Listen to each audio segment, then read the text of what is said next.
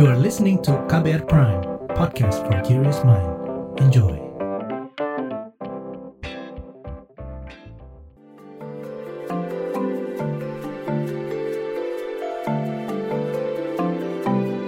Saga, cerita tentang nama, peristiwa, dan fakta.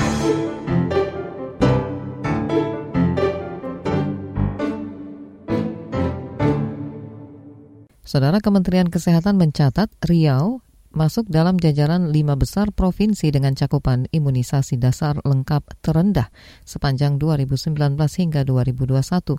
Pandemi COVID-19, kondisi geografis dan rendahnya pemahaman masyarakat menjadi sejumlah faktor penyebab. Situasi ini juga berdampak pada kelompok minoritas seperti komunitas adat yang tinggal di sana, salah satunya suku Duano di Indragiri Hilir. Jurnalis KBR Elvi Dayanti Darkasih melihat dari dekat tantangan yang dihadapi untuk menjaga generasi muda suku Duano. Laporannya dibacakan Astri Yuwanasari. Bila dia ngamuk nak dari tadi bujuk mak makaikan baju dia tak mau. Iya gitu dulu ya. Tunggu tunggu ibu tidak apa-apain ibu ibu tidak apa-apain. Yuliana tengah menjaga Amelia putrinya saat tiga petugas puskesmas Kuala Enok Indra Giri Hilir Riau datang berkunjung. Balita berusia 2 tahun itu sedang sakit. Nampak semalaman tak tidur. Dan juga anu sariawan juga mulutnya. Amelia mestinya disuntik vaksin DPT untuk mencegah penyakit difteri, pertusis, dan tetanus. Vaksin ini masuk kategori imunisasi dasar dan wajib bagi balita. Namun, karena sedang sakit, suntikan urung diberikan – kata petugas puskesmas Kuala Enok, Nursiah Sitompul. Berhubung anak ibu demam, kami tidak memberikannya. Iya, nanti iya. dikunjungi lagi oleh petugas kita nanti, hmm. ya kalau nggak demam ya. Iya, iya.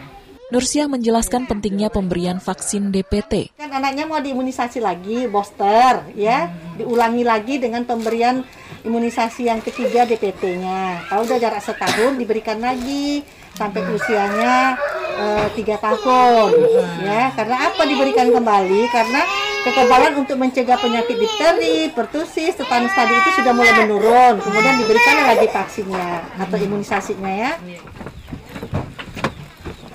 Nursiah dan dua rekannya dari Puskesmas Pembantu Tanjung Pasir, Ratna Sartika dan Erin, melanjutkan perjalanan ke tujuan berikutnya. Selamat pagi,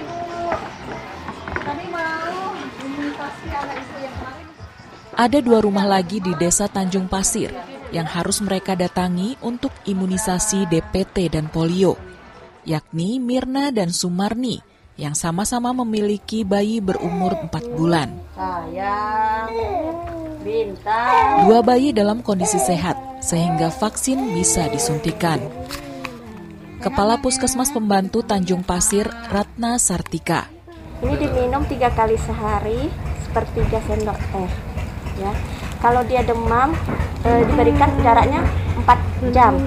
Setiap 4 jam ya kalau dia demam tinggi diberikan setiap 4 jam. Ini pemberian imunisasinya pemberian imunisasi DPT 2 dan polio 3 satu bulan kemudian nanti diberikan lagi untuk DPT 3 nya dan polio 4 nya Ketiga ibu yang mereka layani merupakan warga suku Duano atau suku laut.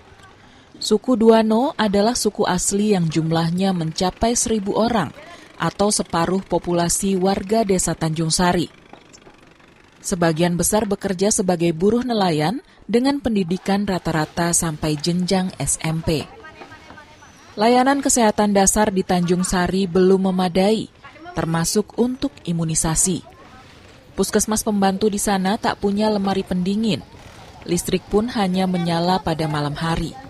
Karenanya, seluruh vaksin disimpan di Puskesmas Kuala Enok yang berada di wilayah berbeda yang dipisahkan sungai.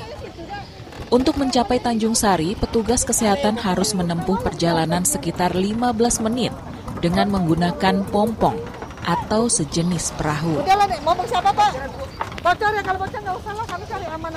Ada 13 balita warga suku Duano di Tanjung Sari yang mesti dipastikan mendapat imunisasi lengkap Imunisasi sebenarnya sudah dijadwalkan tanggal 15 tiap bulan di posyandu yang bertempat di puskesmas pembantu. Namun, banyak yang mangkir lantaran masih rendahnya kesadaran tentang pentingnya imunisasi. Akhirnya, puskesmas berinisiatif mendatangi satu persatu rumah warga atau disebut sweeping. Memang ini betul-betul di sweeping tiap Bulan. bulan. Kenapa di sweeping tiap bulan enggak? Anu, kadang anaknya tidur, sakit gitu deh. Kadang malas juga mungkin. Nah, itu Jarang juga. keluar, mamanya ya nih. Padahal dari sini ke Dekat. ja- dekat ya. Paling jalan 10 menit enggak Iya. sampai ya. Jarang keluar juga dia. Daripada mereka tak diimunisasi kan Bu, terpaksa kita sweeping. Mekanisme ini butuh persiapan matang. Jumlah orang yang akan diimunisasi mesti akurat agar tidak ada vaksin bersisa.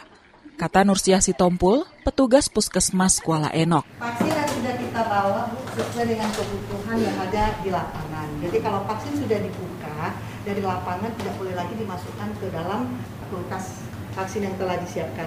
Tetapi apabila ada vaksin yang berlebih belum bu- dibuka, boleh dimasukkan kembali ke dalam kulkas tapi dengan catatan dicatat tanggal berapa dikeluarkan dan jarak waktunya nanti hanya sebulan. Imunisasi bayi pasca kelahiran juga sering dilakukan door to door. Ini lantaran ibu hamil di Tanjung Sari mayoritas melahirkan di rumah ketimbang ke puskesmas. Terlebih, pilihannya cuma di puskesmas Kuala Enok yang harus menyeberang sungai. Tapi kadang kendala kita itu tadi Bu dengan keadaan pasang surut air ini, kadang masyarakatnya yang kendalanya mau pergi udah kesakitan susah dibawa, tapi tetap dipanggil eh, tenaga kesehatan kita untuk memotong tali pusatnya, kemudian perawatan bayi dan yang paling penting itu imunisasi HP0 dengan pemberian vitamin K. Puskesmas pembantu di Tanjung Sari tak layak digunakan untuk tindakan medis. Posisi bangunannya sudah miring dan atapnya bocor. Kondisi ini terjadi sejak 2007. Kalau air pasang banjir kami bu, terendam semua barang di dalam tuh. Sekarang tidak bisa diprediksi lagi Bu. Mm-mm. Biasanya pasang itu bisa tiga hari, sekarang bisa sampai seminggu. Menurut Ratna, sudah ada pengajuan anggaran perbaikan ke desa, tetapi sampai detik ini belum bersambut. Demikian saga jurnalis KBR Elvi Dayanti Darkasih. Saya Astri Yuwanasari.